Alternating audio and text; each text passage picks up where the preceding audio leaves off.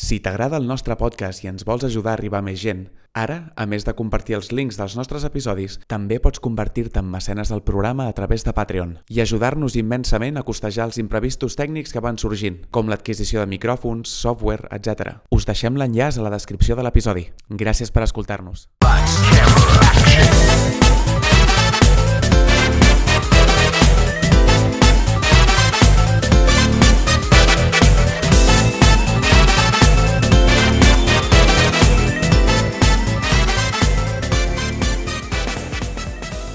Benvingudes i benvinguts un cop més a la fricoteca.cat.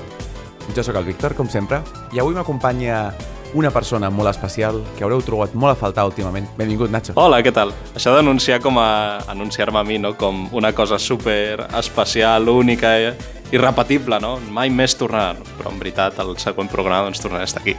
Nacho, ets únic, inimitable i repetible. Repetible, això sí. I repetible. què tal, Víctor? Com estàs? Doncs avui seguim amb un programa que ja vam començar, és com la segona part. Trobo que és important o seria interessant fer una mena com de rep.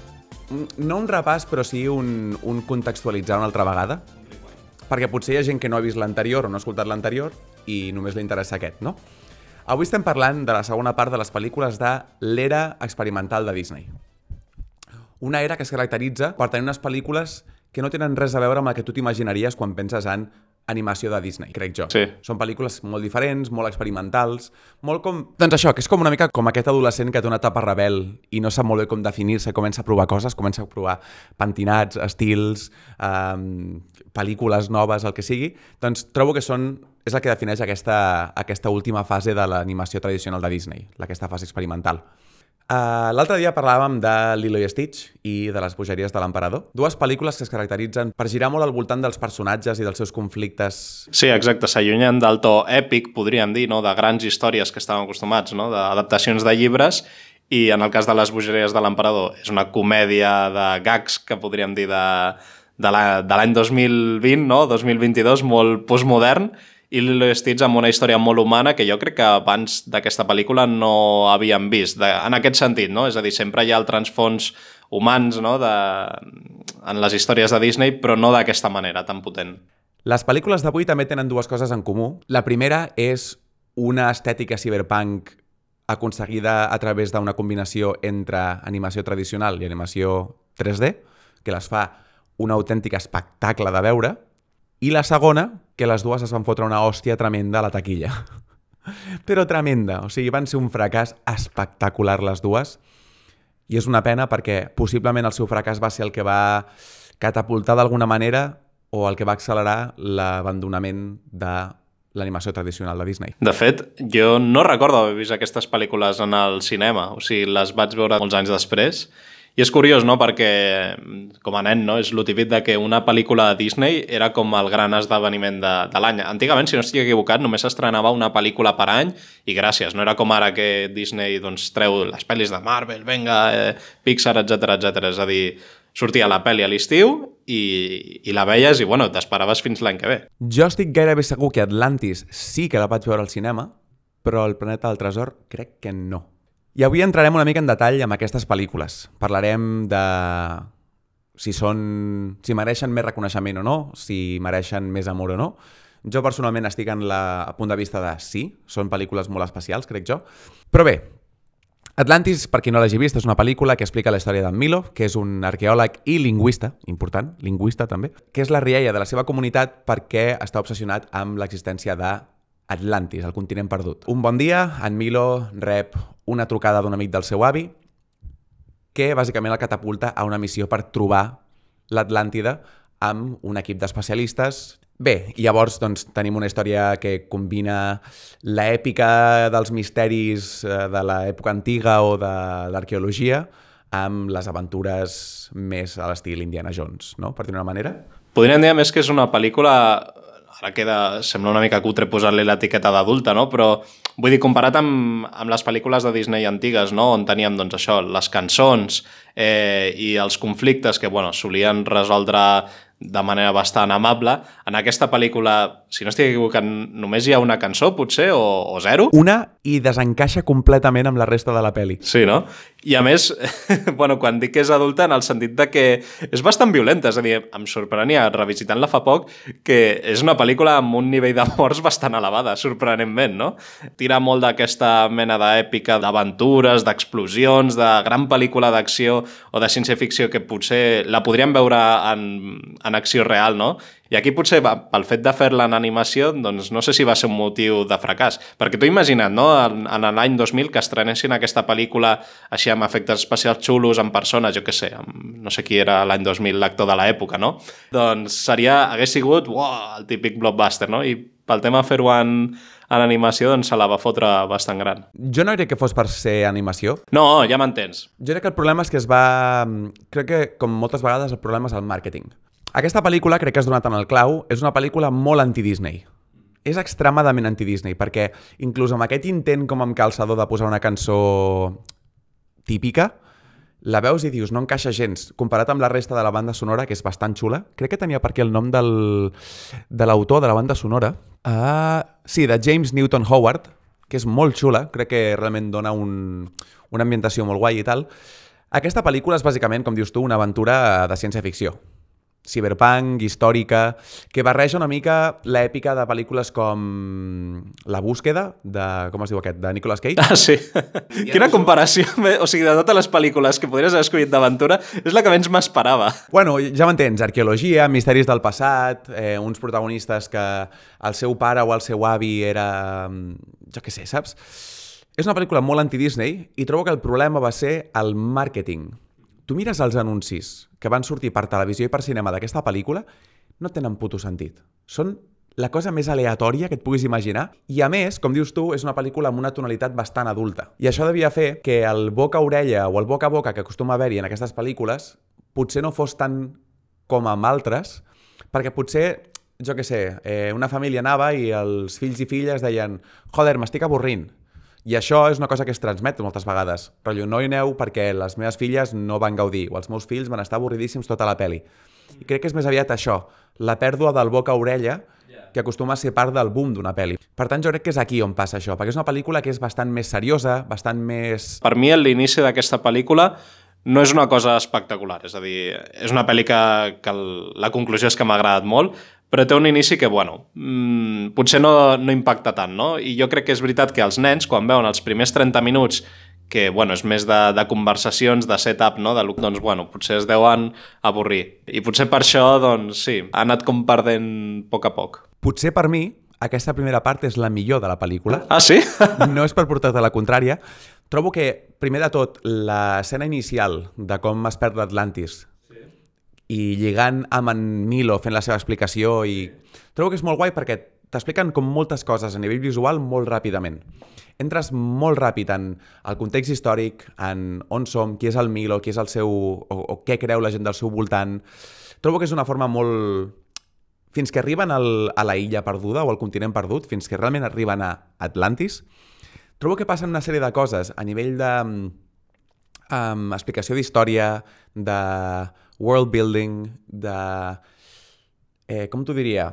Presentació de personatges que no només em semblen molt ben fetes i molt especials, sinó que em semblen que són essencials per al que pot passar després en el clímax de la pel·lícula i en el, en el gran final apoteòsic de, d'acció, per dir-ho d'una manera. Clar, tens raó de que els primers 30 minuts són necessaris per després encarinyar-te amb els personatges secundaris. Potser a mi el que em va passar és que al principi, quan l'estava veient, els personatges secundaris em semblen una mica randoms, és a dir, que no, no li trobava el que...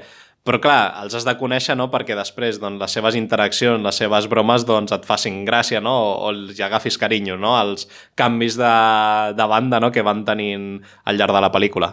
Mira, jo trobo que els personatges d'aquesta pel·lícula són potser una de les grans virtuts. Perquè, per dir una manera, tots són com bastant unidimensionals, però això fa que siguin gairebé com el repartiment d'una sitcom. Tenen una forma de reaccionar a les coses que tu ja coneixes a partir del minut... O sigui, quan els has conegut ja saps qui són, immediatament.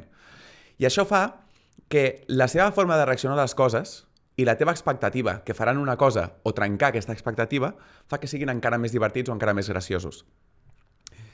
Trobo que hi ha 3 barra 4 personatges d'aquest equip que són com molt destacables. Primer de tot teníem el pirotècnic. Aquest jo crec que és el millor. A més, crec que el propi actor, que no, no sé qui és, és un comediant que va improvisar pràcticament la majoria de, de línies. I es nota, perquè per mi és el personatge més graciós. Es veu que simplement li posaven ara el teu personatge parla de la seva infància. I l'actor aquest es començava a fer la seva història i, home, té un resultat brillant. Després està, com es diu? Um... Ah, no me recordo el nom, però la senyora gran, la del telèfon, trobo que també té una forma de, de rebaixar la tensió de la comèdia, amb, perdona, de rebaixar la tensió amb comèdia, de donar-te com un contrapunt de persona que no li importa absolutament res tot. Petita curiositat, petit trivia, és l'últim cigarret que hem vist en una pel·lícula de Disney. Ah, sí? Sí, sí, sí. Després està el dolent. Ara et diré una cosa que et diràs, ah, té sentit? Aquesta pel·lícula està feta per la mateixa gent que va fer el Japerut de Notre Dame. No té sentit, però continua. Elaboreu, sisplau. Aquest dolent, igual que el Frollo del Japerut de Notre Dame, són els únics dolents de Disney que no tenen cap qualitat redemptòria a nivell de humor o carisma o bellesa, per dir una manera. Aquests dos dolents són dolents i prou, són dolents horribles. I en cap moment la pel·lícula et deixa veure que són potser incompresos com l'Escar o que tenen carisma, com la Úrsula. No, no, aquí són dolents i prou.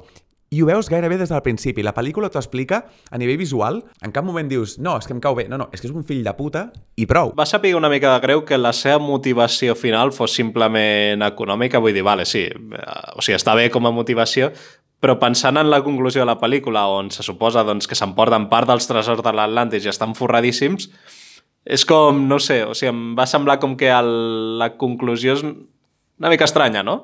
No sé què en penses, eh? que simplement que li motivi, vale, sí, eh, aconseguir diners, però el fet d'anar a l'Atlàntida i tal ja és com algo molt que el farà milionari, no? És estrany. Em va deixar pensar això. És que aquest és el tema. No has d'empatitzar amb ell. Més, o sigui, és una mica com un cas tipus Dolors Umbridge. L'has d'odiar i prou. És com la, la seva única funció, que l'odiis i que li tinguis por. I que funcioni com a contrapunt del Milo, crec jo. Després estaria l'Audrey, la mecànica del grup, que trobo que és potser el personatge més especial de tots, perquè és una que crea un vincle molt, molt proper amb el Milo, té unes converses com molt properes, i pots veure que, primer de tot, és un personatge que és la millor en el que fa, molt ràpidament, te l'estableixen, crec, d'una forma molt, molt efectiva, però a més, ella t'ho dius al principi, jo estic aquí pels diners, i prou, perquè vull fer un taller o un... vull obrir una botiga amb el meu pare. De fet, tots. És una escena molt graciosa, no? Quina és la vostra motivació per trobar l'Atlàntida? Tots comencen a dir, sí, els diners, pasta. Sí, sí, exclusivament això. T'ensenyen la seva vulnerabilitat, la seva raó de ser, per què vol tenir aquesta, aquests diners, i al final de la pel·lícula, quan tots decideixen ajudar el Milo i ajudar els, els natius de l'Atlàntida, o de la... mai sé si dir Atlàntida o Atlantis, és igual, els natius d'Atlantis, és ella la que pren la decisió i la que fa que tothom giri cua i torni enrere. També és ella la que introdueix el Milo al grup, no? perquè fins eh, durant els primers 30 minuts tothom és bastant antipàtic amb, amb ell, potser el doctor és la persona més simpàtica no? dintre d'aquest grup i després diu, vinga va, Milo, vine amb nosaltres, sopa i, i anem a xerrar. Sí, sí, trobo que a nivell de personatges és molt especial aquesta pel·lícula. Després tindríem els protagonistes, protagonistes, que són el Milo i la... Kida. Kida, gràcies. Bueno, té un nom molt complex, però es fa Kida. Exacte. La Kida trobo que és especial en aquell moment perquè sent el 2001 potser no hi havia gaires personatges que la seva motivació no és l'home de la pel·lícula, sinó que és salvar la seva gent, salvar el seu pare, que és d'armes tomar, que no es deixa trepitjar per ningú. Trobo que és molt és veritat, és la primera princesa Disney que realment és això, fa, és un personatge actiu, no un personatge passiu. Bé, tindries la Mulan abans, però la Mulan no és una, però la Mulan no és una princesa, tècnicament. Tindries la Pocahontas, però... Uf, què vols que et digui? La Kida és una versió hiper millor de la Pocahontas. I després tenim el Milo, que funciona molt com un personatge que trenca estereotips estem acostumats a que el protagonista de la pel·lícula de Disney sigui un tio uh, aventurer, forçut, um, no sé, amb aquest carisma de no sé, de dolentot, no? És a dir, mm, de rebel sense causa, per dir-ho manera, a vegades. I el Milo no, el Milo és un tio que és un estudiós, que és tímid, que la seva motivació a la vida és estudiar i, i aprendre coses, mentre si tothom vol un motiu econòmic, el seu motiu per trobar l'Atlantis és aprendre i ser un acadèmic. No és un príncep guerrer, sinó, a més, és un lingüista, no? El que comentaves abans. Petit detall, ho havia de comentar en algun No m'ha moment. agradat gens aquesta cara de lingüista com fent com... És com lingüista, no? No, perquè ara és el que volia comentar, no? En algun moment del programa, el Milo, per qui no coneixeu el Víctor físicament, em recorda moltíssim a ell. O sigui, t'has fixat a nivell de, de cara, les ulleres, l'altura, i deia, hòstia, M'ho prendré com un compliment perquè em sembla un tio molt sexy, a més. per això, per això, pren-t'ho com una cosa bona. No, home, em feia molta gràcia que una vegada deia, ah, Sí o què? sí, a més, portes les ulleres aquestes rodonetes grans, res, em feia, em feia gràcia. No m'ha dit mai ningú això. Però, no sé, gràcies. Doncs això, trobo que el Milo és un, és un personatge que funciona molt bé com aquesta contrapartida de la masculinitat arquetípica d'aquella època. Avui en dia potser sí que tenim més personatges com el Milo, tot i que no en tenim molts tampoc, però en tenim, tipus, jo què sé, Newt Scamander o um, el Waymond a, a Everything Everywhere. Però és un, personatge, que- és un personatge que en aquella època potser no existia o no estava tan normalitzat. I trobo que és com una cosa que dius, eh, super. Mira, un dels aspectes que volia destacar, ho has comentat al principi, no? que és una pel·lícula amb mescla de 2D i 3D, ho donem molt per sentat. Realment, el 3D d'aquesta pel·lícula és espectacular per fet de que no, no te n'adones que és un 3D a l'ús. És a dir, havíem tingut altres casos abans amb Aladdin, no? amb la... Eh, com es diu? Amb la... La catifa. Sí, la catifa o la cova del lleó, no? que, que surt, però sempre hi ha és un 3D que el notes, no? que dius, bueno, vale, això està fet en 3D. En aquesta pel·li a mi em va deixar al·lucinant. No sé si és potser perquè el 2D està molt basat en, en línies rectes, no amb angles, i que potser és més fàcil d'adaptar-ho, però hi ha com un mix, sobretot amb la bèstia marina, aquesta mena de bèstia mecànica que surt, que em deixava flipant. És a dir, ja no sabia en quin punt, ho havien dibuixat a mà, estava fet per ordinador, és, és una meravella. És a dir, amb Lilo Stitch no, comentàvem com això ho donem per sentat, no? algunes escenes que són molt xules no? i que bueno, ens semblen bé, però que en real realment tenen molt de pes. I en aquesta pel·lícula passa el mateix. Els escenaris i aquesta mena final, sense fer spoilers, tipus Majora's Mask, que m'imagino jo, no? amb els gegants aquests que surten, oh, bueno, un, un espectacle per la vista. O sigui, parlàvem abans d'aquesta pel·lícula com una pel·lícula d'aventura, ciència-ficció, el que sigui, i trobo que és una de les seves grans virtuts, però crec que a nivell estètic és on aquesta pel·lícula brilla més. Aquesta estètica cyberpunk, que en gran part s'aconsegueix amb aquesta barreja de la que parles tu, de 2D tradicional i animació 3D, trobo que la fa tenir una, una qualitat gairebé que pots assaborir a nivell estètic, a nivell visual, que a mi personalment no em passa, això que dius tu que no notes que és 3D, però tot i notar-ho, em flipa. I trobo que és una cosa que tant de bo aquestes dues pel·lícules de les que parlem avui haguessin triomfat una mica més, perquè donava tant de sí encara. Trobo que ja en, en aquesta època es van fer dos canvis, i tots dos, tot i que a la llarga han demostrat tenir molt de potencial, van ser per mi una pèrdua, que són, primer de tot, en els videojocs, l'abandonament de l'estètica, um, com es diu això, pixel art, sí. a favor dels polígons i del 3D, i el fet d'abandonar l'animació 2D tradicional per l'animació 3D o de- o d'ordinador. I la veritat, tant de bo s'hagués tirat endavant amb aquesta combinació d'animació 2D i animació 3D perquè trobo que funciona tan bé i és com una barreja de l'experiència i, el, i allò que, que té com regust de- d'allò que coneixes amb, amb l'essència de l'experimental i, de, i de la tecnologia. No sé, és una pena. Crec que en l'anime estem molt acostumats no? a veure aquesta mena d'amics de 2D i 3D.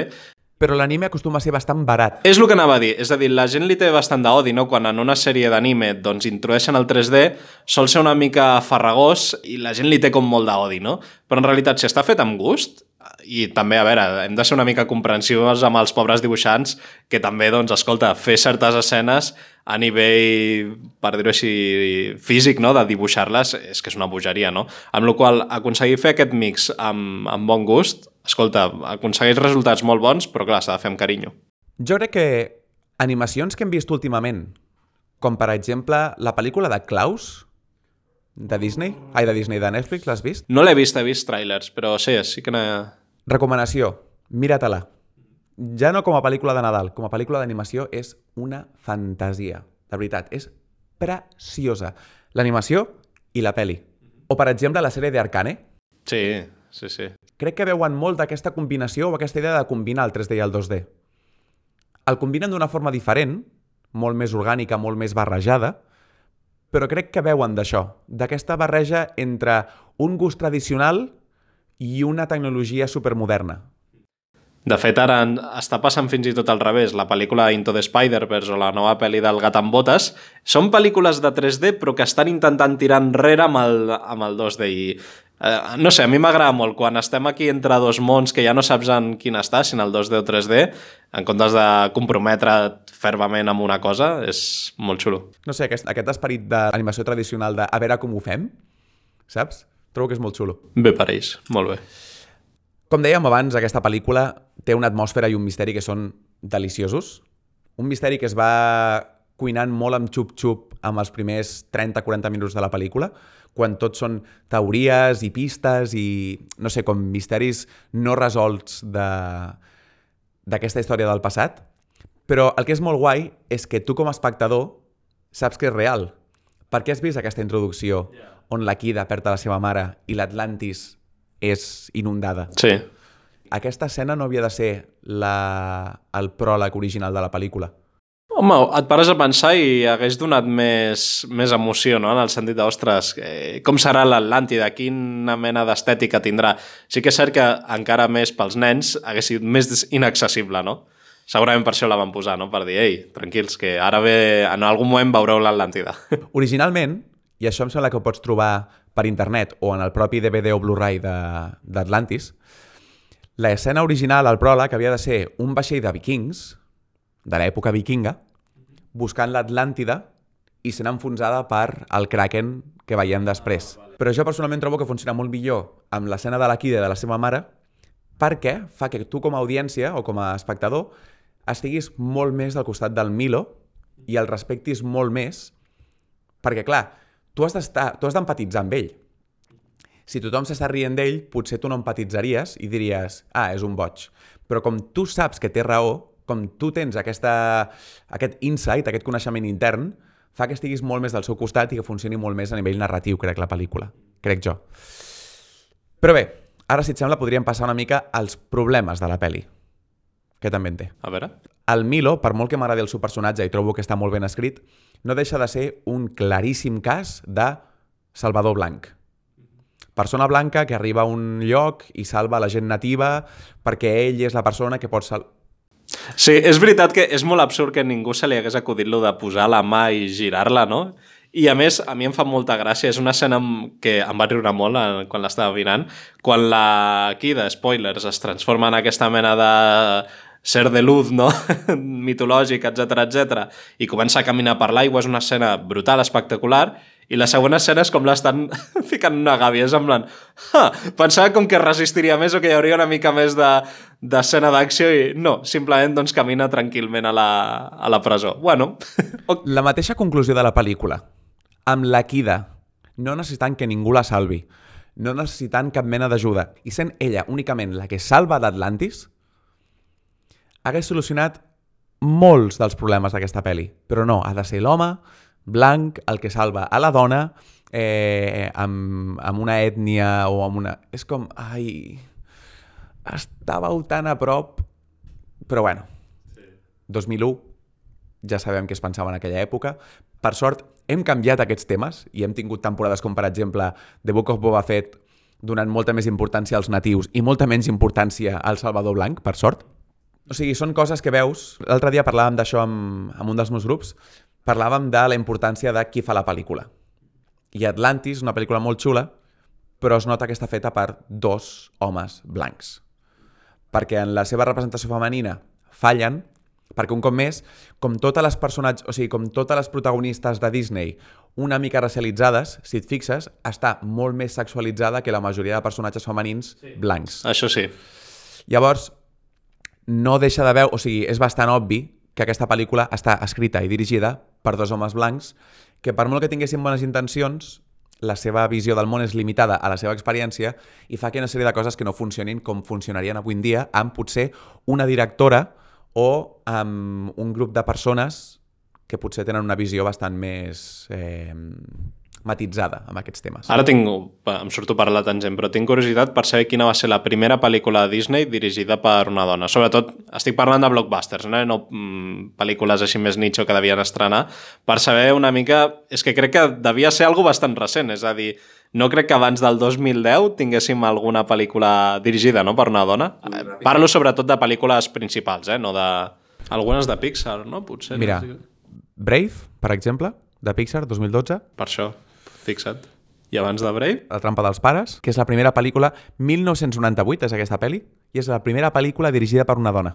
I fixa't que ni... Bueno, primera pel·lícula de cinema dirigida per una dona. Però que no hem sentit a parlar mai. O sigui, considero Brave. 2012, toma allà. Bé, avui en dia tenim coses més com, per exemple, eh, Eternals, tenim coses com Capitana Marvel, també tindríem la temporada sencera de Obi-Wan Kenobi, diversos capítols de The Mandalorian... O sigui, avui en dia, òbviament, s'ha fet un esforç per canviar-ho. I, de fet, és per això que és tan important aquest canvi, crec jo. Per això és tan important tenir directores i directors de tot tipus. Perquè l'experiència de cadascú és diferent i la seva forma d'enfocar la història, d'explicar-la, també és diferent. Això en anglès en diuen the female gaze, o la mirada femenina, i és bàsicament dues persones amb, amb experiències diferents explicarien la mateixa escena d'una forma totalment diferent. I és per això, per exemple, que jo sóc tan crític de la pel·lícula aquesta última que es diu uh, L'últim duel, The Last Duel, sí.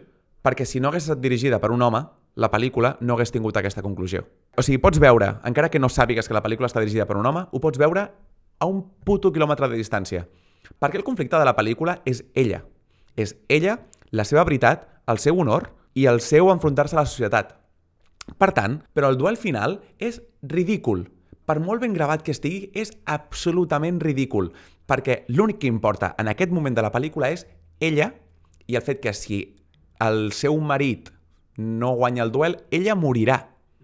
Per tant, tot aquell duel hauria d'haver estat un primer plano a la seva cara i escoltar el duel de fons i tu veure com la seva cara va canviant d'expressió. Allò hagués estat una pel·lícula dirigida per una dona, perquè t'hagués deixat molt clar que aquell era el conflicte i que els altres dos són uns perdedors i que el duel no importa gens. Però Ridley Scott és un home. I igual que Blade Runner va ser capaç de posar una escena de violació amb música sexy de jazz, en aquesta pel·lícula la va cagar de forma gegantina. Però bueno, aquest no és el tema de la, de la conversa d'avui. Com a pel·lícula, Atlantis funciona molt bé, i és una pel·lícula que trobo que és molt divertida, molt entretinguda, i que mereix molt més, però moltíssim més amor del que ha rebut al llarg de la seva història. Tot i així, trobo que sempre s'ha d'analitzar en quins moments o en quins punts aquestes pel·lícules no han envellit tan bé, Sobretot perquè, per exemple, gent com tu, que tens dues filles, puguis després fer com una mena com de didàctica, no? Però, nena, tu, tu salvaràs la teva mare i tu seràs la que, saps? No sé. Sí, no, el fet de conèixer aquesta pel·lícula em permetrà parlar d'ella no, quan, quan la vegin d'aquí uns anys. Que guai. Doncs et sembla si passem a la segona pel·lícula d'avui? Molt bé, doncs... Per on començo, per on començo, per on començo? Parlem del Planeta del Tresor, una pel·lícula que a mi m'hauria de flipar, Sí?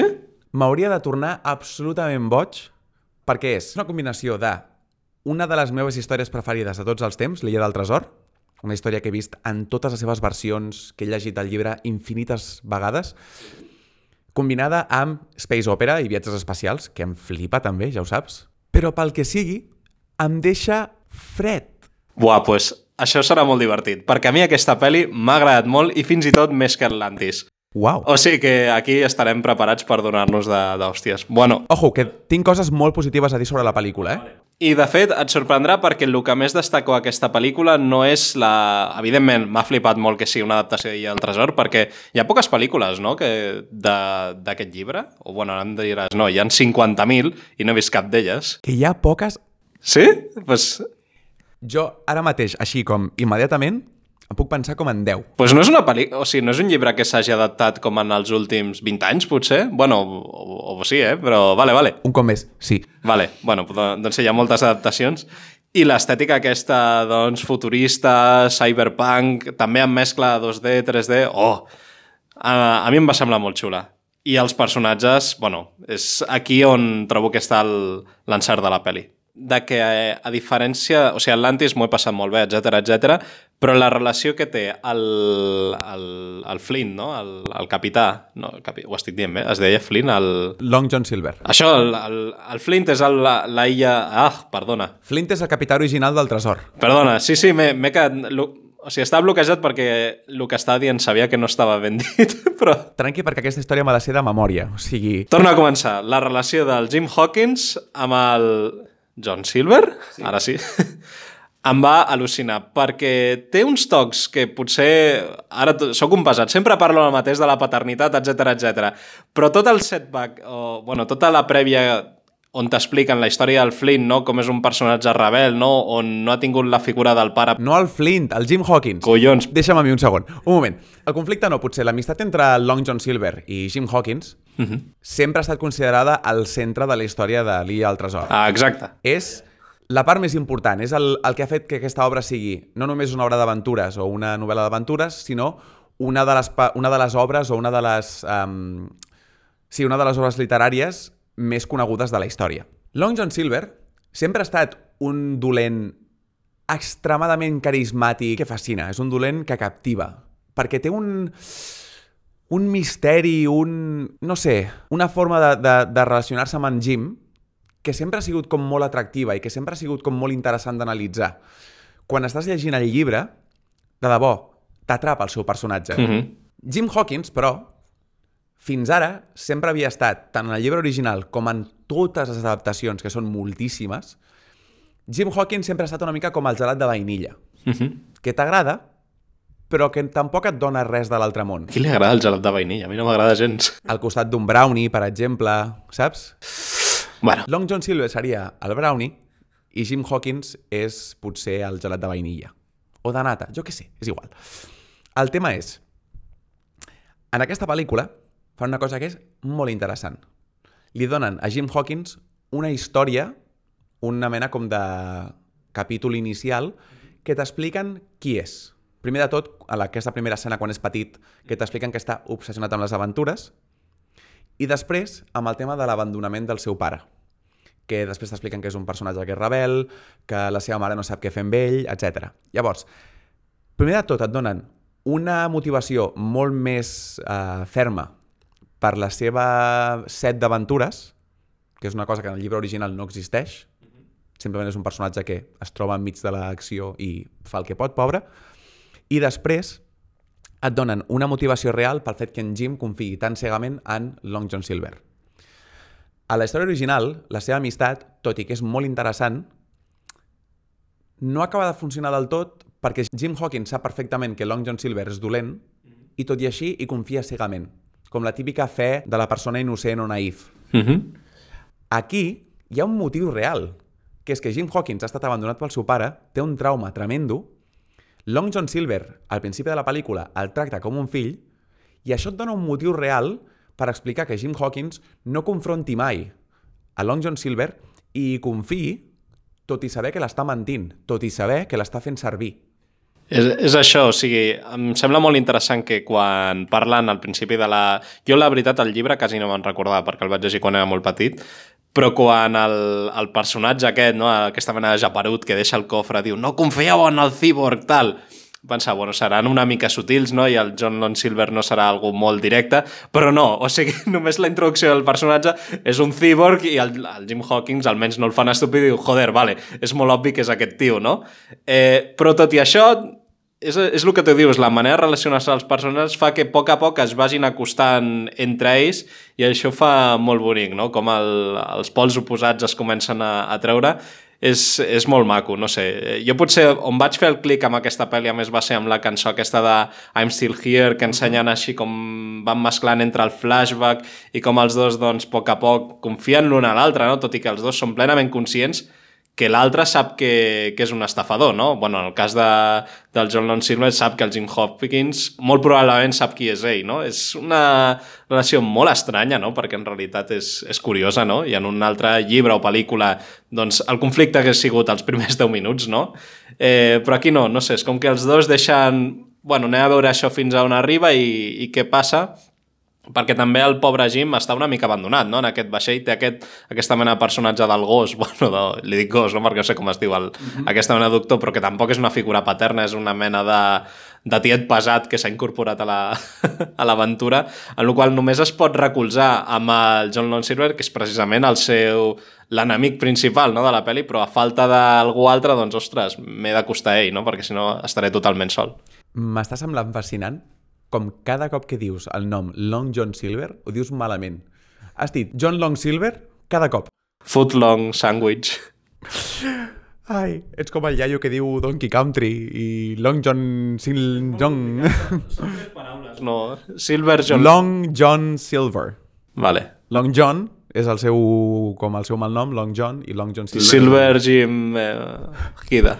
Silver Hawkins... Bé, com deia abans, aquesta pel·lícula trobo que és potser una adaptació molt digna, tot i que una mica descafeinada, crec jo, tot i així, és la millor versió, amb diferència, d'aquests dos personatges.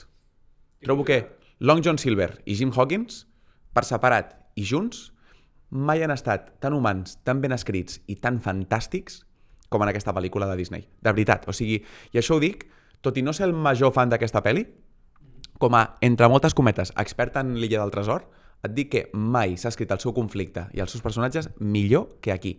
Mai. Millor que en el llibre. Oh, i tant. Sí, sí. Oh. Perquè, com et deia, en el llibre, Long sí, sí. John ja és fascinant, però Jim Hawkins no té cap mena de carisma. Aquí sí, aquí tens una motivació real, tens un conflicte molt més molt més cru. Uh -huh. I què és el que trobes descafeinat d'aquesta pel·lícula? O sigui, sé que no és una pel·lícula amb molta acció, hi ha aquesta mena d'escena de, del forat negre i tota aquella història, però a mi em va, em va molar molt. O sigui, el fet de que tampoc fos una pel·lícula molt centrada en l'acció i que el focus de, de, de l'argument fos la relació entre el Silver John Hawkins i el Jim eh, Long, doncs a mi em va... és el que més em va agradar, bàsicament. El, que no tiressin per, bueno, per diverses escenes d'aventures pa, pa, pa, molt seguides, conflicte final dintre del planeta i fora, no? És una sensació. No et sé molt bé com, com definir-te-la. No sé molt bé com definir-te-la, però trobo que la pel·lícula té una mena com de... com de qualitat videoclip. Sí? On tot és molt maco, però més enllà de la relació entre en Lon John Silver i en Jim Hawkins, no hi ha gaire res. És a dir, d'aquesta pel·lícula jo valoro moltíssim aquesta relació i valoro moltíssim l'apartat estètic i visual que és una autèntica, o sigui, és una autèntica virgueria, en tots els sentits. Un cop més parlem de la combinació entre animació 2D i 3D, que és òbvia a tot arreu, però el que és increïble, i no sé si ho vas captar, Long John Silver és un personatge animat en 2D i 3D alhora. Sí. Totes les seves parts orgàniques són animació 2D i tota la part de Cyborg és animació 3D. Sí, sí. Uau! La manera de moure's, sí, sí. O sigui, si podeu mirar algun vídeo de com van fer l'animació d'aquest personatge per YouTube és de caure de cul. De veritat. O sigui, no s'havia fet mai. En la puta vida hi havia hagut un personatge que fos combinació de dues animacions diferents. Per tant, això, doncs a nivell visual, em sembla que és de les millors pel·lícules de Disney. Top 5, segurament. A nivell... Eh, el conflicte d'aquests personatges trobo que també és brillant per com millora la història, per com millora la història original, però com a pel·li en si tenint en compte que està dirigida per la gent que va fer Bàsil, el ratolí detectiu, i Aladí... Uh -huh. Ah, mira. Com a pel·li em falta. Em falta un primer acte, un segon acte i un tercer acte. Em falta una mica més de definició, de motius, de... No ho sé, no et sabria dir, però trobo que és una pel·lícula que en general sempre és descafeinada. Sempre és un, mira el que podria ser, però no acaba de ser-ho. Personalment em sembla això. És com et dic, són sensacions, no et puc dir exactament què és. Sí, sí. Bueno, ja ho hem parlat moltes vegades, al final suposo que doncs, tot és subjectiu. No sé, eh, bueno, no, no ho he trobat tant en, en aquest punt tan fort com ho trobes tu, Però, però mira, sí, ja que destaquem el tema de, de l'animació, volia acabar de destacar la lluna, és a dir, el port aquest que al principi dius, ah, bueno, sí, és la lluna d'aquest planeta, i literalment no, és una nau espacial descomunal en forma de lluna, Uah, em va tornar molt boig aquesta mena de d'apropament, no? O sigui, al contrari d'Atlantis, no? que és la càmera que s'allunya, doncs com la càmera s'acosta, i després tota l'escena de les balenes, ostres, és, no sé, és molt xulo visualment. Sí, potser els secundaris és veritat que tampoc són una passada, però bueno, m'agrada el personatge de la mare, trobo que és molt tridimensional, no? com es preocupa pel seu fill, com intenta tirar endavant un negoci, tot i que està ja pràcticament sola perquè el seu fill prefereix estar de, de juerga, no? I no sé, fins i tot els personatges de la tripulació, notes que hi ha una història darrere, que segurament no te la, bueno, no te l'expliquen, eh, i tampoc seria el motiu principal, però no sé, notes que hi han hagut aventures no? entre aquesta mena de comandant Roca, que no me'n recordo el nom perquè som molt dolent pels noms, Víctor, i la capitana, que tampoc em sé el nom, no sé, notes com que han estat molt habituats no, a fer doncs, aventures i tal, i la pròpia tripulació del, del Silver, que també doncs, bueno, són els típics pirates de, de llibre, no? Potser aquesta és una de les raons per les quals em sembla descafeinada. Crec que ho acabo de com mig entendre. Jo jo conec molt bé la història original ah. i les seves adaptacions. Yeah. I en aquesta història original hi ha com la història principal, la que tu veus en el llibre, i la història passada. Perquè els pirates del Long John Silver en realitat són la tripulació original del capità Flint, sí.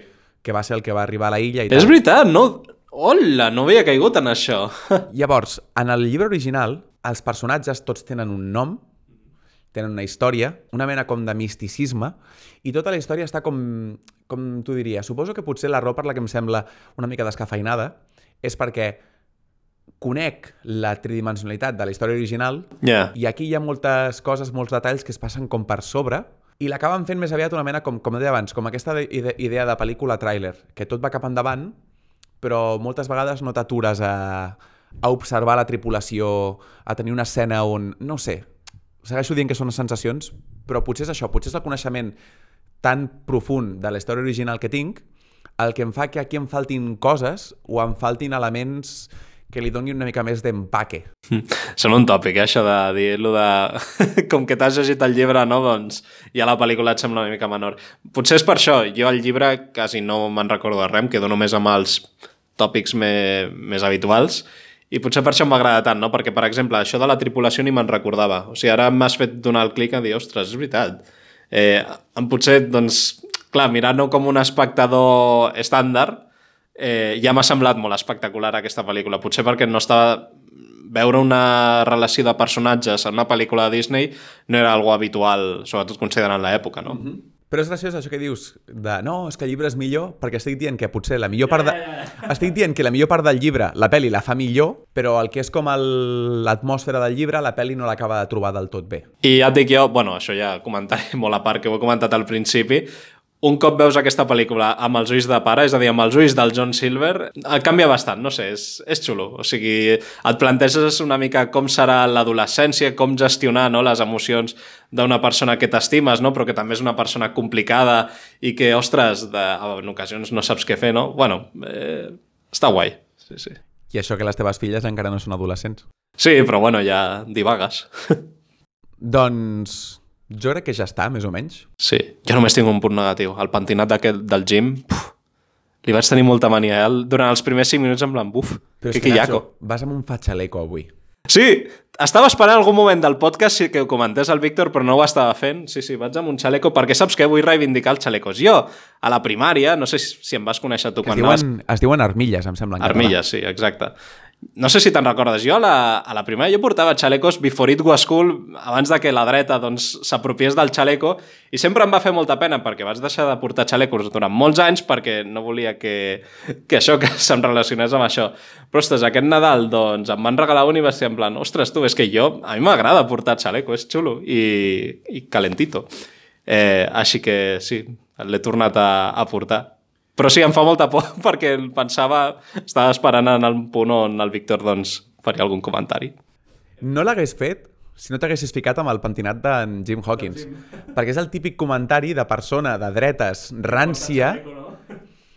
Exacte, per tant, ho he hagut de dir, ho sento molt. Em sembla que avui tens un trivial? Oh, sí, és veritat. Trivia, trivia, trivia. Mira, és un trivia que només va de xalecos avui. No, no. T'imagines? Ja n'ha preparat, no? Perquè dius, és que segur que em traurà el comentari.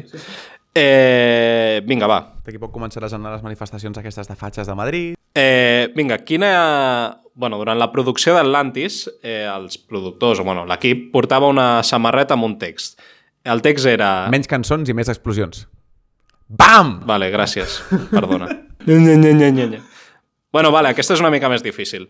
Vinga, com es deia el vaixell de la pel·li de... Bueno, li he dit vaixell o nau de la pel·li d'Atlantis? Zeus, Afrodita, Ulisses o Xena? Ulisses. Molt bé. I ara, com es deia el vaixell de la pel·li del planeta del tresor? La Hispaniola. No! Així és com es deia en el llibre original. Eh, Serendipity, Majesty, Legacy... Torna a dir això? Seren... Com? Serendipity? Ah, vale. Okay. Majesty, Legacy o Dream? Serendipity? No, Legacy. Ah, molt bé. Eh, però ara m'ha estranyat molt si es deia l'espanyola. Bueno, La Hispaniola, sí. l'espanyola, hem fet el, el canvi. Com es deia el senyor que financia l'expedició d'Atlantis? Que apareix, em fa molta gràcia, apareix durant els primers minuts i s'obliden d'ell. Es diu Elon eh, Musk? Montgomery Gregorio o Whitmore. Whitmore. Sí, ok. Sí, l'altre era inventat.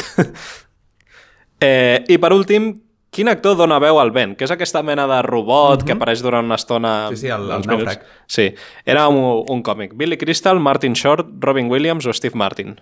Sé que Robin Williams no és, els altres no els conec, per tant diré Steve Martin. No, Martin Short. No sé qui és. És un comediant de l'època. Sí, Steve Martin l'he posat for the lol. Per cert, les dues pel·lícules que hem parlat avui, que hem comentat avui, tenen les dues doblats en català. Totes dues són doblats en català, super xulo, a més, dels, dels guais guais. I jo crec que ja està per avui. Sí? Si us ha agradat, com sempre, ens podeu seguir a Twitter a la barra baixa fricoteca, la primera amb K i la segona amb C. Gràcies per escoltar-nos, ja sigui de camí a la feina, ja sigui quan renteu els plats, abans d'anar a dormir o mentre feu partides a la Switch.